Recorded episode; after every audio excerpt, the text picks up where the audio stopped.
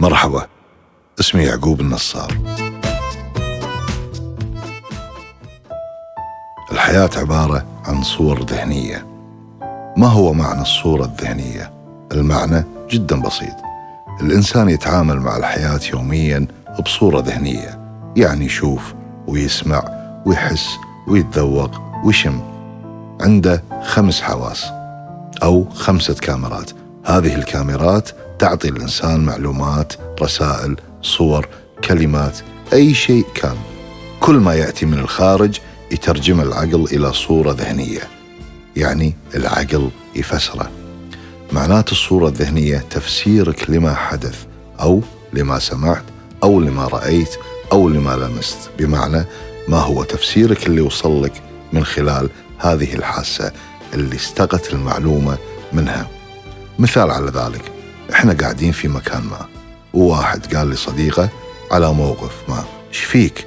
أنت غبي. هنا كلمة غبي إذا كان بينه وبين صديقة ميانة راح يفسرها العقل إلى تفسير زين وتطوف. لكن لو نفس الكلمة قالها واحد غريب يمكن تسيل فيها الدماء. إذا السؤال ما الفرق بين كلمة غبي في مجلس أنس وفي مجلس آخر؟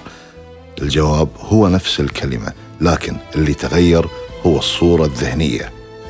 كلمة غبي مثل كلمة ذكي لكن الكلمة هذه يترجمها العقل بمعنى والكلمة الثانية تترجم بمعنى آخر.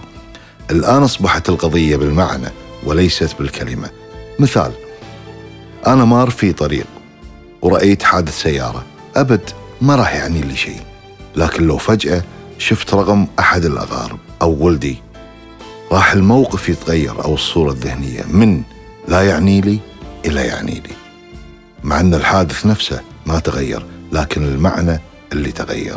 هذه المعاني والتفسيرات للحياة هي التي تتحكم في تصرفاتنا. هي التي تجعل كلمات معاني وتفسيرات ودلالات. لذلك دائما أي شيء يصير في حياتك عطى معنى عطى اسم يعني سم أو عطى عنوان عشان تنعكس في حياتك بما يناسبك أنت. ما لك شغل في الحدث ما لك شغل بالمشكلة. أنت لك شغل فقط في تكوين الصورة الذهنية. عشان كذي عطها شيء حلو يناسبك. هذه قضية في غاية الأهمية. اللي ما يعرف السر في تعامل أحداث الحياة راح يتخسبق ويضيع. راح أقول لكم قصة سريعة. يقال أن جحا ضيع دينار له.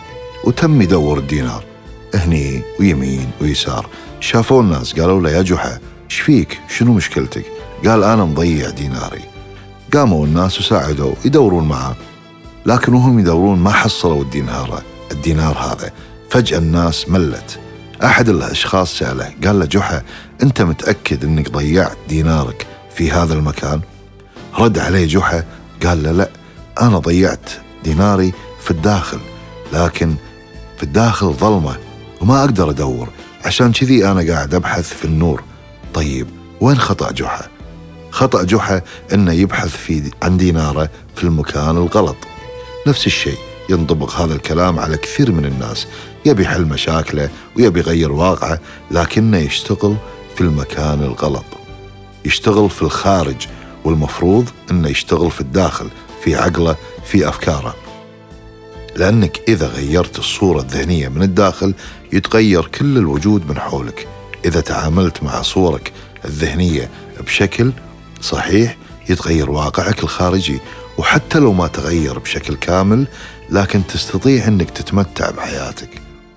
على سبيل المثال عندنا طفل عمره خمسة سنوات ناخذ الطفل هذا ونخليه أمام التلفاز. نشغل له احد الأفلام أكشن. الطفل هذا يبتدي يكون الصور الذهنية في باله. الصور عندما يكبر هذا الطفل تتحول إلى سلوك.